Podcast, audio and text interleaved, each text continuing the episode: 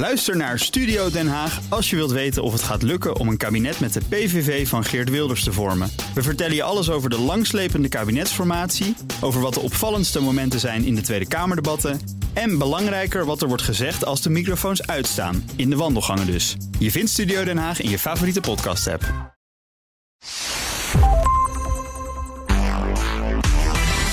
Welkom bij de Ben Tichelaar podcast bij BNR, de podcast over persoonlijk leiderschap. Elke twee weken hebben we een bijzondere gast met inzichten en ideeën die je helpen om je verder te ontwikkelen.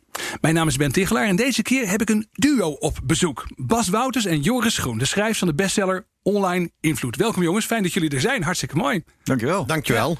Even een paar dingen uit jullie biografie. Joris Groen, psycholoog, gedragsontwerper heb ik hier staan en ondernemer. Wat is een gedragsontwerper? Ja, gedragsontwerpers die eigenlijk systematisch probeert uh, gedrag te beïnvloeden uh, door middel van design. En dat kan zijn een website, maar dat kan ook zijn bijvoorbeeld de fysieke omgeving. Oké, okay, dus je maakt iets om het gedrag te beïnvloeden, zou ik maar zeggen. Precies. Mooi, helder. Uh, Bas Wouters, ondernemer. Je bent onder meer oprichter van keukenplaats.nl. Dat is eigenlijk vooral een website, heb ik altijd begrepen. Klopt, zoals ja? het portaal om mensen naar de showroom te overtuigen om daar naartoe te gaan. Ja, dus ook echt hands-on ervaring met dus het designen van zeg maar online omgevingen die het gedrag van mensen beïnvloeden. Ja, absoluut. Ja. En ook overtuigingsexpert. Want jullie zijn beide in de leer geweest bij een paar wereldberoemde mensen. Ik heb hier een paar namen staan. Ik weet niet of iedereen ze kent, maar ik ben er erg van onder de indruk. Robert Cialdini, dat is echt een grootheid op het gebied van beïnvloeding. Ja, hebben jullie beide bij gestudeerd, begrijp ik? Yes, ik ben een van zijn uh, certified trainers. Er zijn er twintig in de wereld en vijf in Europa. Oké. Okay. En ik heb het genoegen gehad om een jaar bij hem persoonlijk in de leer te zijn. Dus dan ben je echt één op één, word je door hem opgeleid om zijn uh, materie te kunnen implementeren en anderen daarbij te kunnen helpen. Heel gaaf, dat is dus Bas die dat net zegt. En beide zijn jullie volgens mij BJ, bij BJ Volk uh, in de leer geweest, hè?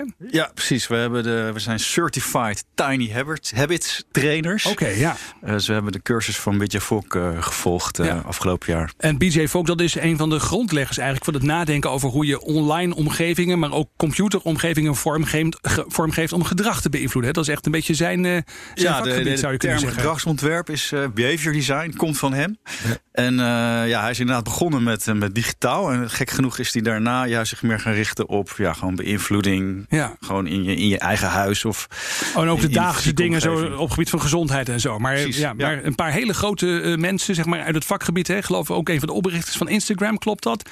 Dat ja, dat waren allemaal studenten van hem. Dus allemaal studenten van die BJ Ongelooflijk veel. Zijn denken heeft ongelooflijk veel invloed gehad uh, in ja, zeg maar, hoe de digitale wereld nu is uh, ingericht. Ja, nou ja, gedrag en die online omgeving. Daar gaan we met elkaar over hebben. Want uh, zeker in de periode zeg maar, waarin we nu zitten, dat heel veel mensen verplicht zijn thuis te werken, doe je heel veel meer online dan je daarvoor deed. En je bent eigenlijk ook voortdurend bezig met beïnvloeden. Want je zit in een Zoom-vergadering, probeer iemand te beïnvloeden. Ik stuur heel veel mails. Dan wil ik ook dat mensen dingen gaan doen. Ik doe dingen in social media. En dan wil ik ook eigenlijk wel ja, dat mensen daarop reageren. Dus het is niet alleen maar voor, laten we zeggen, de booking.coms van deze wereld. Maar iedereen is eigenlijk bezig met online invloed, zou je kunnen zeggen, op dit moment. Ja, absoluut. En daar wil ik graag bij aanvullen. Op het moment dat jij er succesvol in bent, zul je niet alleen zakelijk, su zakelijk succes boeken, maar ook persoonlijk gelukkiger zijn. Doordat meer mensen gaan doen wat jij wil. Ja. Denk daarbij ook, en dat is misschien iets minder online, maar het overtuigen dat je kinderen hun lessen goed volgen in deze tijd. Uh, dat zit ook een online spectrum aan op het moment. En zo kun je allemaal. Ja, zo grappig. Je voorkomt, dus, ja, ja. je voorkomt dus ook een hoop frustratie in de opvoeding als je gewoon een beetje jullie boeken gewoon wat beter zou lezen. Ja. Nou, we gaan dus uh, daar daarop in, uh, op, op dat gebied. Wat verder duiken we er eens wat in. Ik ben heel benieuwd, uh, gewoon ook naar jullie eigen verhaal. Wanneer realiseerden jullie je nou dat je dacht, nou, dit is eigenlijk wel heel erg belangrijk. Hè? Potverdikkie, dit is dat, dat die online omgeving en, en, en daar invloed hebben op gedrag. Uh, Joris, als ik jou mag vragen, wanneer kwam die fascinatie bij jou? Ja, ik, ik, ik was echt webdesigner en ik uh, psychologie gestudeerd. Dus ik probeerde eigenlijk altijd psychologie toe te passen. Uh, maar het, het, moment, dat weet ik eigenlijk nog eens eigenlijk voor het eerst echt webdata ging bekijken. Dus je hebt iets gemaakt en je ziet vervolgens echt hoeveel bezoekers er komen. En hoe verdomd weinig van die bezoekers dan eigenlijk ook maar doen wat jij had gehoopt. Zich inschrijven of iets bestellen. Of ook, ook wel zeg maar één ding, hè, een kreet achterlaten. Het was dan veel voor, voor campagne-websites. Ja. ja. Um, en toen dacht ik, ja, ik moet eigenlijk een manier, er moet een manier zijn om het zo te ontwerpen, zo in te richten dat je zeg maar maximaliseert het, het gedrag wat je zeg maar wil hebben. Ja, dus ze komen wel, maar ze doen niet wat jij wilt. Nee, en, dat, en dat, dat, was, uh, ja, en, ja. en dat is natuurlijk mooi. Dat kan je online echt heel goed zien. Ja, ja.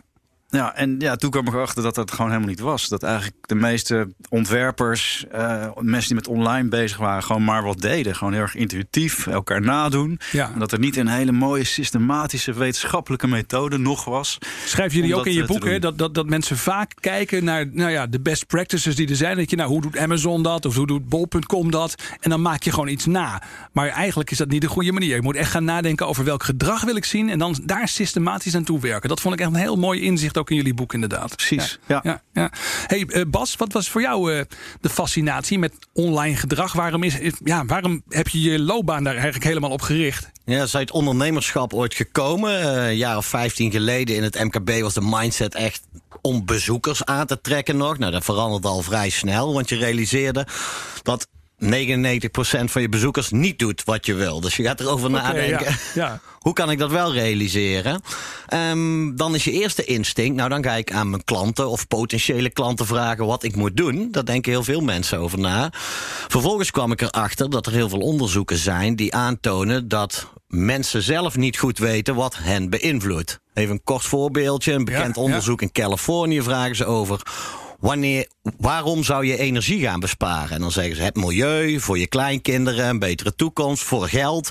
Of omdat je buren het al doen. De meeste mensen beantwoorden voor het milieu. Ja. Ze voeren de test een tijd later uit. En blijkt milieu de minste impact te hebben-. En de buren doen het al de meeste. Ja. Dus we wist, toen ik dat realiseerde.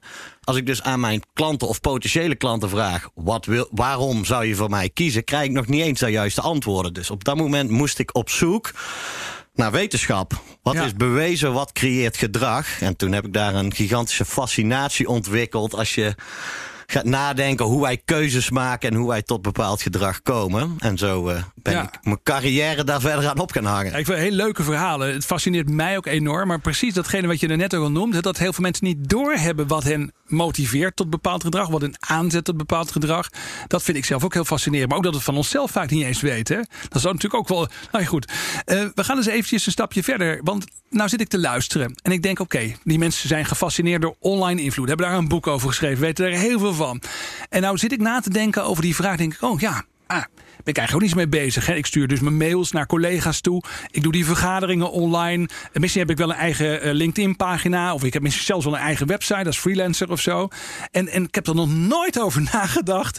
eh, dat eigenlijk dat het allemaal gedragsbeïnvloeding is waar ik mee bezig ben. Eigenlijk.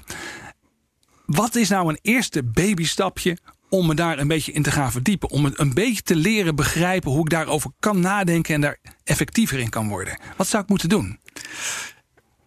Ehm, als eerste zou ik zeggen.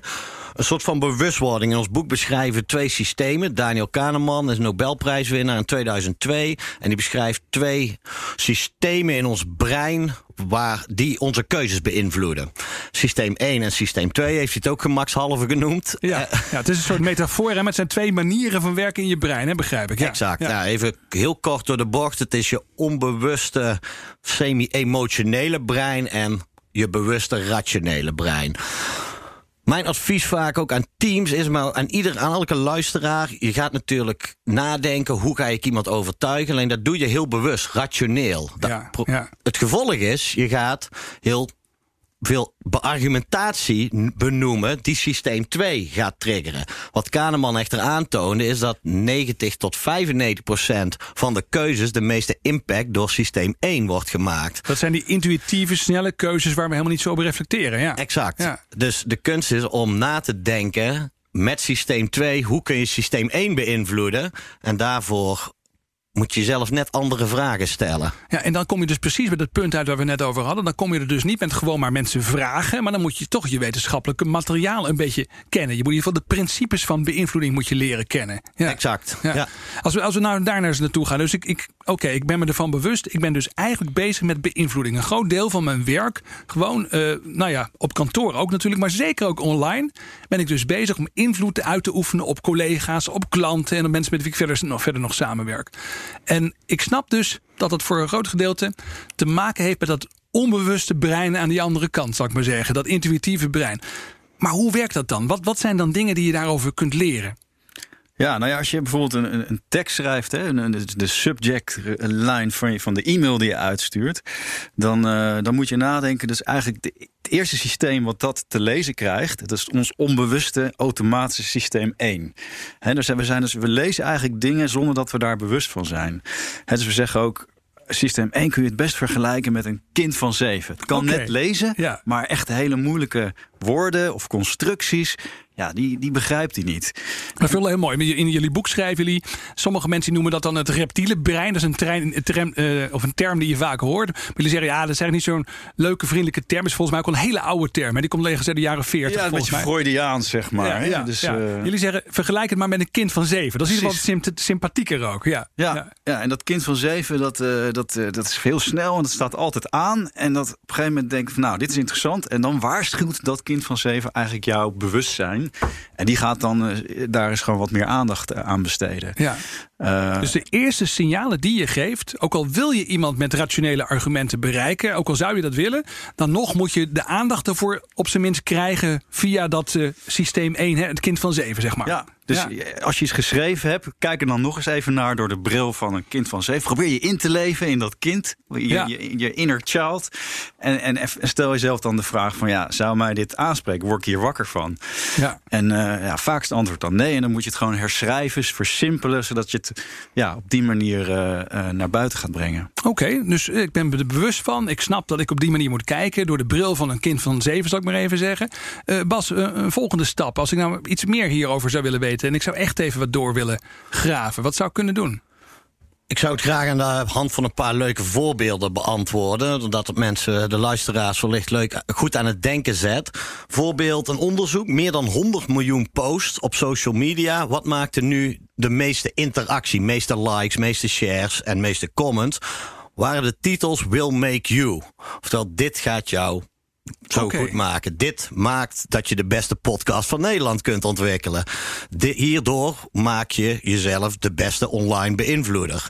Dat soort posts triggeren dus systeem 1 enorm, waardoor je die spin-off krijgt. Grappig. Dus eh, een post op social media waarbij je dus mensen belooft van dit gaat jou als het ware veranderen eh, naar een betere situatie. Dat vinden mensen dus onbewust heel aantrekkelijk. Exact. Ja, bewust zeggen ze wat, wat een, een, volksverlakkerij of uh, dat trap ik niet in. Maar onbewust gaan we daar dus allemaal voor. Exact. Ja, ja.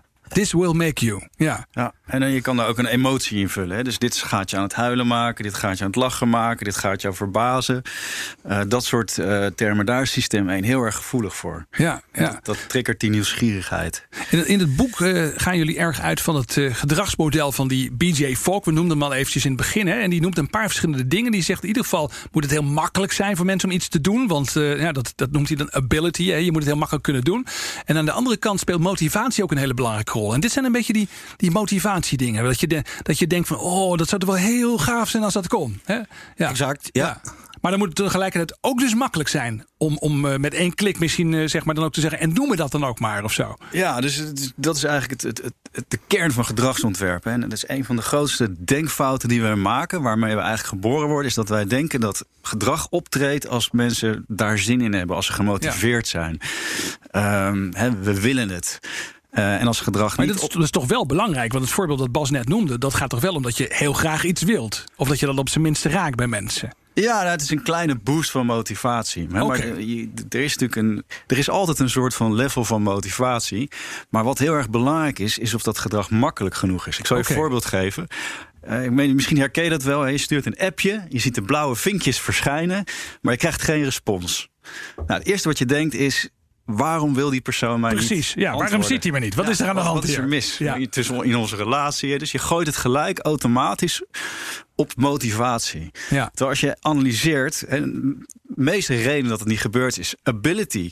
Iemand is niet in staat op dat moment om te reageren. Of het is even te moeilijk. Of er zijn, komen andere appjes binnen.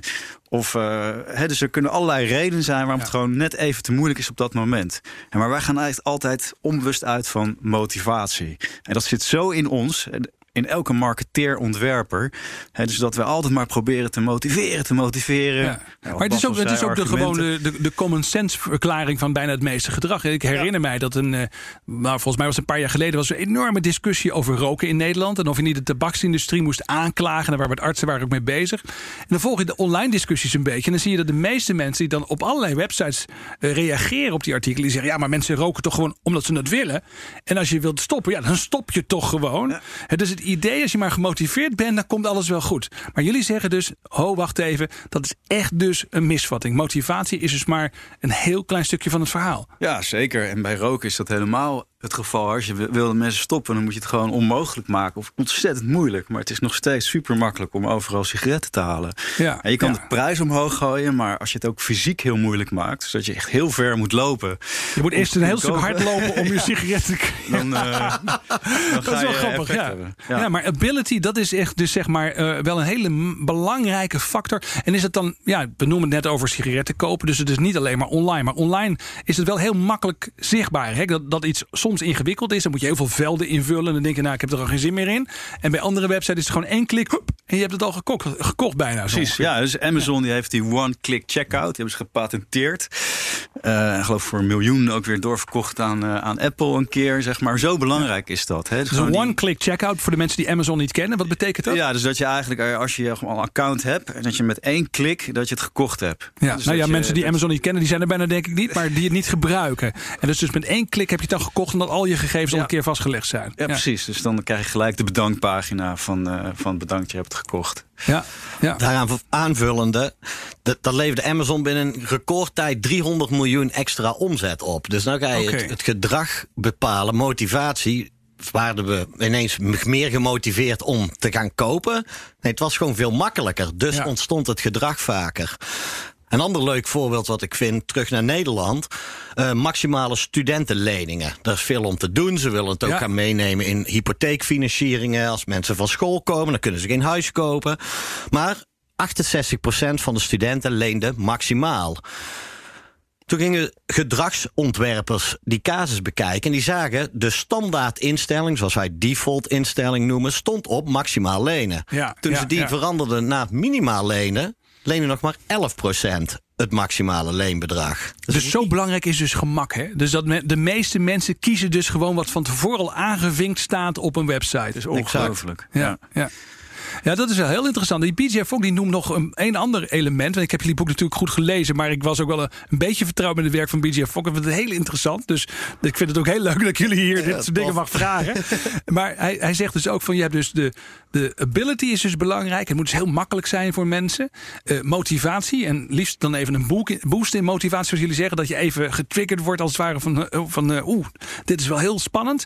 Maar er moet ook een, een prompt zijn. uh, zoals jullie dat noemen. Hè? Een soort, soort, ja, een soort, uh, nou ja, ik noem net het woord trigger, maar eigenlijk, dit is dan eigenlijk de trigger die ervoor zorgt, dat je in beweging komt. Kun je dat eens uitleggen? Wat is, als ik nou nog niet in deze materie zit, wat, wat is dat, een prompt en waarom is het zo belangrijk? Ja, dat is, dat is, dat is het moeilijkste zeg maar om uit te leggen. Dus dat duurt altijd even voordat dat, dat kwartje valt, om te begrijpen, wat is nou een prompt? Nou, de definitie is, een prompt is datgene wat jou aanzet tot gedrag. Dus iets van buitenaf. Uh, wat echt aan jou vraagt om iets te doen. Of ja. jou eraan herinnert om iets te doen. He, dus in de online wereld zijn dat de subject lines van e-mails, zeg maar, die massaal verschijnen in, jou, in jouw inbox. Maar het kan ook zijn een kleine push-notificatie. Of uh, een kopje wat heel erg opvalt ineens en wat jou uitnodigt om te gaan lezen wat eronder staat. Ja. Dus dat zijn prompts in, uh, in online design. Dus ieder, ieder teken, ieder signaal, alles wat bij jou binnenkomt zintuigelijk, wat jou kan aanzetten tot gedrag, dat kan dus een prompt zijn. Ja, precies. Ja. En BJ Fox zegt eigenlijk doen wij maar heel weinig dingen zomaar uit onszelf. Ja. Dus er is altijd een extern iets wat ons daartoe aanzet. En als je daarvan bewust bent, dan ga je heel anders kijken naar, naar websites en naar ja, eigenlijk alles ja. wat je ontwerpt. En dat betekent dus ook dat alles wat je maakt en alles wat je laat zien aan jouw bezoeker, kijker, uh, moet dus er eigenlijk op gericht zijn om dus gedrag te triggeren ook. Dat is eigenlijk de bedoeling, of niet alles. Ja, dus het is eigenlijk heel raar als je kijkt naar de meeste websites. Dan op een gegeven moment dan valt het gewoon dood. Dan is er gewoon niet iets wat heel duidelijk aan jou vraagt wat je vervolgens moet doen. Of een andere fout is dat er twintig prompts tegelijk op een website staan. Ja. Dus je kan inschrijven, maar je kan scrollen, je kan dit gaan lezen. Er is nog een knop. eh, van alles tegelijk. En dat werkt dus ook niet. Ja, dat herkennen we wel uit een restaurant. Waarbij je een menukaart krijgt met 30 gerechten erop. Eh, En ook nog allemaal met, met zogenaamd grappige namen. Dan haak ik al altijd. Ja, precies. dat is Maar een restaurant, daar, daar, daar, ja, daar word je eigenlijk geacht. Het is raar om daar weg te lopen. Maar een website ben je natuurlijk gewoon binnen Ja, een milliseconde ben je weg. Ja, Bas, hoe, eh, hoe zie jij dat? Ja, leuk om daarop aan te haken. Wij noemen het concurrerende prons. Maar wat bedrijven of personen vaak denken... ik heb heel veel te vertellen en mensen moeten dat e-boekje van mij downloaden. Ze moeten daar naartoe klikken. En oh ja, dit wil misschien ook nog een deel van mijn bezoekers. Dus we gaan alles in een schermpje stoppen, wat allemaal mogelijk is. Ja. Zo ooit voor een bekend automerk, een interessante casus. Die wilde proefritten. En op hun homepage, of de pagina waar het tot stand moest komen, werd van alles. Want misschien willen die mensen wel eerst deze informatiebrochure. Of willen ze eerst deze calculator doen. En alles werd erbij gedaan. Conversie 0,4 procent. Toen alle proms, andere proms werden verwijderd, steeg de conversie naar 8 procent. Dat is een stijging van Dat zijn- 2000 procent in je Dat zijn grote verschillen. Ja. Ja. 20 keer zoveel. Ja. Ja. Ja. Het grappige is, ik zit natuurlijk ondertussen ook een beetje na te denken. Ik heb zelf ook een website. En daar staan ook wel heel veel verschillende dingen in. Want ik denk dan bij mezelf, ja, ik ben eh, eh, nou ja, eh, schrijver. Dus moet- mijn boeken moeten erop. Maar ik maak ook een podcast voor BNR. Dus de podcast moet er ook op. Ja, binnenkort doe ik ook nog ergens, geef ik ergens les. Dat moet er ook op. Ja, eigenlijk zeggen jullie, ja, Tichelaar, dat vind jij maar wel interessant. Maar dat moet je dus niet doen. Ja, het kan wel, alleen je moet ze niet tegelijk aanbieden, maar zeg maar achter elkaar. Dus je moet gewoon, jij moet gaan kiezen, wat vind je nou het belangrijkst en waar, waar ga je de meeste mensen mee Ja. verleiden. En als ze daarmee klaar zijn, dan bied je het volgende aan. Ja. En dat is ongelooflijk moeilijk om zelf te doen. Nou, dit is een website. en Dat is zeg maar een soort professionele benadering. Maar ik, ik denk dan ook, soms schrijf ik gewoon een e-mail aan iemand anders. En dan wil ik van die persoon wil ik best wel een hele hoop verschillende dingen. En dan, dan als ik dan soms mijn eigen e-mails teruglees, dan denk ik, nou, dat snapt helemaal niemand meer. Eigenlijk moet je ook in een e-mail misschien op dezelfde manier werken. Dat je maar één ding gewoon vraagt, of misschien twee. Maar hoe kijken jullie daarnaar? Ja, zeker. De één prompt strategie, die moet je eigenlijk altijd toepassen. dus als jij prompt de één strategie. prompt strategie. Dus Dus één ding wat je iemand wil laten vraag doen. om één gedrag in één e-mail. En als je, als je drie dingen wil, stuur dan drie e-mails. Oké, En, en, en denk ook na wanneer je ze stuurt. Hè? Op welk moment. Is diegene op het moment dat hij die e-mail opent... in staat om te doen wat je vraagt? Oké, ja. Dus als je iemand vraagt om even iets uit te zoeken voor jou.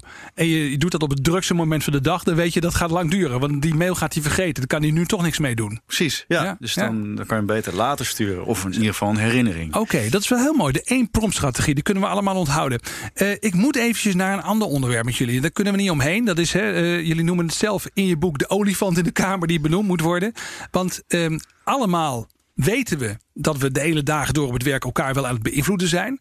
Maar tegelijkertijd hebben we soms ook een enorme hekel... aan al die professionele beïnvloeding. Het gevoel dat je ja, als het ware voortdurend eh, belaagd wordt... door hele slimme online marketeers... die allemaal apps ontwikkelen waar jij verslaafd aan raakt. En ook nog erger, je kinderen ook. Hoe kijken jullie daarnaar? Wanneer, wanneer eh, ga je daar de grens in over, vinden jullie? We beschrijven in het boek natuurlijk eh, zes zaken. Even de casus aan zich. Vertel je de waarheid?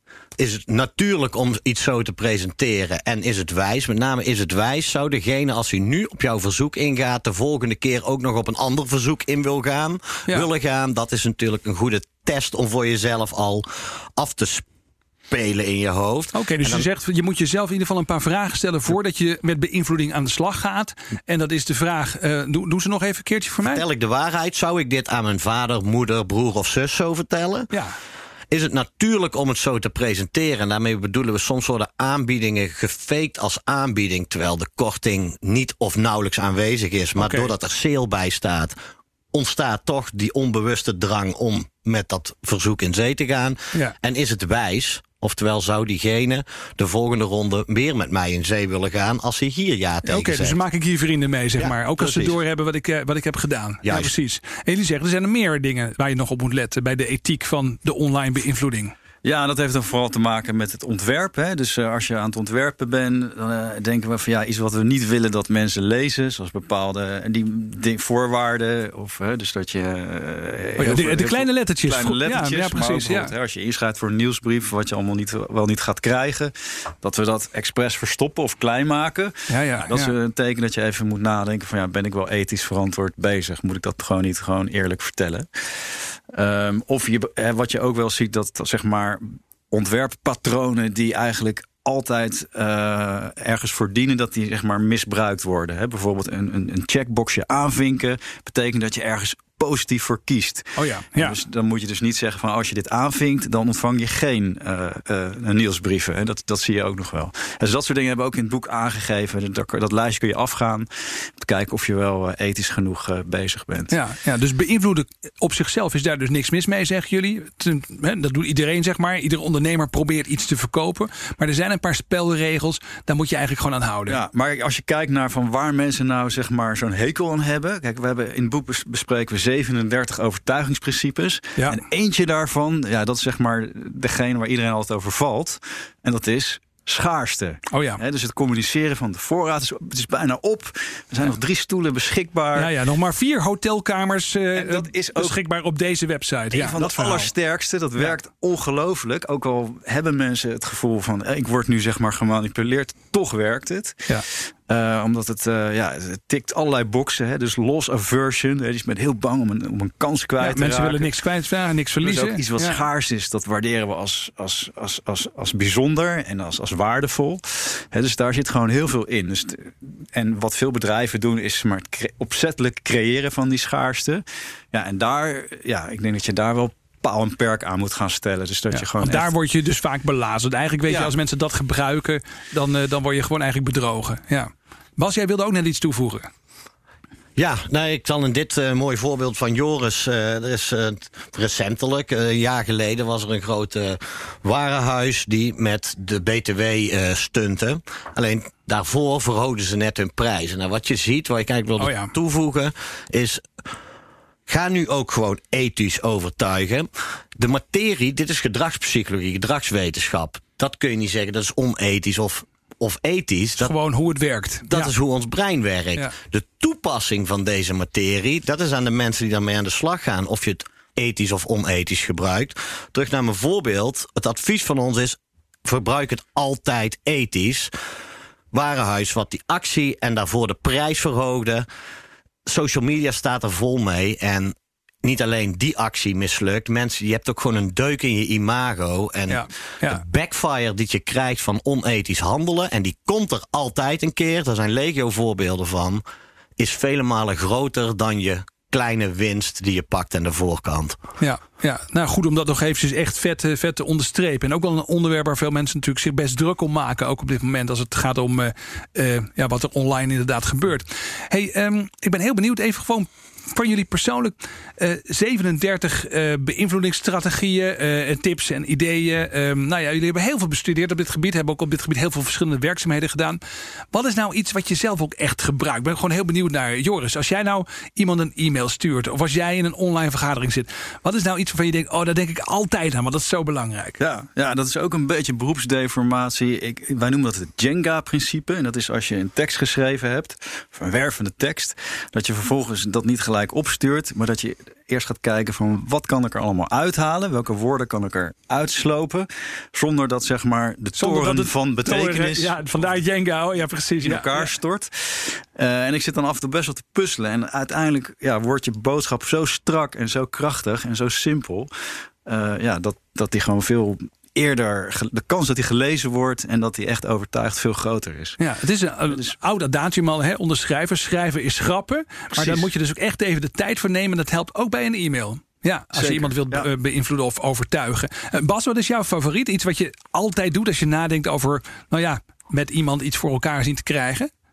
Laten we de e-mail erbij pakken. Die subject line, die moet meteen ontvankelijk maken voor je boodschap. Dus daar zou ik, bespendeer ik altijd tijd aan om goed te triggeren. Hoe kan ik die subject line niet alleen de promptstrategieën erin verwerken, zodat die geopend wordt, maar Ja. ook mensen al ontvankelijk maken voor wat ik in mijn e-mail schrijf. Ja, dus dan, eh, dat was het ook weer, this will make you, was het dan, eh, geloof ik, hè? Ja, precies. Dus precies. het- het openen van deze e-mail zal je onwaarschijnlijk gelukkig maken. Zoiets wordt het dan, maar dan met andere woorden. Met andere woorden, maar ook bijvoorbeeld met emojis. Daar hebben we ook een leuke casus van. Voor Royal Caribbean Cruises, die hadden een schaarste aanbod. Ja. Voor ehm, hun klantrelaties om op vakantie te gaan. Dat werd in de subject line geframed. Toen er een emoticon van een zandlopertje voorkwam, Ja. werd die 3% vaker geopend. Maar er werd 15% vaker gekocht onder de geopende e-mails. Omdat je mensen dus laat, in dit geval voor een schaarste aanbod, open te staan. Dus Omdat je laat zien van de tijd tikt door mensen. Ja, Exact. Ja, bizar, hè? dat soort dingen. Ja. Zeg, eh, we zijn alweer een beetje naar het einde toe aan het werken. Want we hebben maar ongeveer 25 minuten in deze podcast. Eh, wat is nou een mediatip waarvan jullie zeggen... ja, binnen dit vakgebied moet je eigenlijk moet je dit, moet je dit lezen. Natuurlijk moeten we online invloed lezen, hè, jullie boek. En het is een hartstikke leuk boek, kan het van harte aanbevelen. Maar eh, wat, wat zouden jullie nog meer willen aanraden? Ja, ik denk op dit moment eh, Tiny Habits van BJ Fogg zelf. Het is net, net uitgekomen. En het gaat eigenlijk helemaal niet over online beïnvloedingen. eh, maar het gaat over ja, het creëren van gewoontes. Dus eigenlijk het toepassen van gedragsontwerp om Ja. ja, gezonde eh, gewoontes bij jezelf te creëren of bij anderen. En dat is eigenlijk het eerste en enige boek waarin, waarin hij ook zijn model helemaal uitlegt. En er zitten ook nog weer allerlei nieuwe theorieën in. Dus als je echt helemaal up-to-date wil zijn op het gebied van gedragsontwerp, dan kan je natuurlijk na online invloed best de Tiny Habits eh, eh, bestellen. Van BJ is ook in het ja. Nederlands vertaald, maar ik ben ja, even de kleine gewoontes Kleine heet het. Oh, gewoontes. dat eh, is- lijkt me een hele goede vertaling. Ja, Ja. kleine gewoontes van. BJ Fogg. Ja, ik heb de Engelse versie gelezen. Dat is zeker een aanrader. Erg met je eens. En het is, eh, ja, de man is, eh, eh, kan het ook nog een keer leuk uitleggen, vind ik. Dat vind ik ook nog wel heel erg aardig eigenlijk. Maar goed, dat, eh dat Ja, hij maakt ik. heel persoonlijk. En Dus- simpel. Hij Ja. is ook heel goed in complexe wetenschappelijke materie te vertalen voor alledaags gebruik door het simpel uit te leggen. Ja. Zelf gebruikt hij zijn principes van ability dus ook. Ja, nou daar houden we van. Dat Ja. vinden we mooi. Zeg heel erg bedankt eh, Bas en Joris voor het delen van jullie inzichten met ons. Fijn dat je wilde komen. Hartelijk dank voor de uitnodiging, Ben. Ja, dit was de Ben Tichelaar podcast bij BNR met als gast deze keer Bas Wouters en Joris Groen. Vond je dit interessant? Dan kun je een paar dingen doen. Deel deze podcast met andere mensen, collega's, vrienden, iedereen die af en toe wat beïnvloeding of inspiratie kan gebruiken in zijn werk. En abonneer je, dan hoef je geen aflevering te missen. Dank voor het luisteren en tot snel. Ook Bas van Werven vind je in de BNR-app. Ja, je kunt live naar mij en Iwan luisteren tijdens de ochtendspits. Je krijgt een melding van Breaking News. En niet alleen onze podcast Ochtendnieuws, maar alle BNR-podcasts vind je in de app. Download nu de gratis BNR-app en blijf scherp.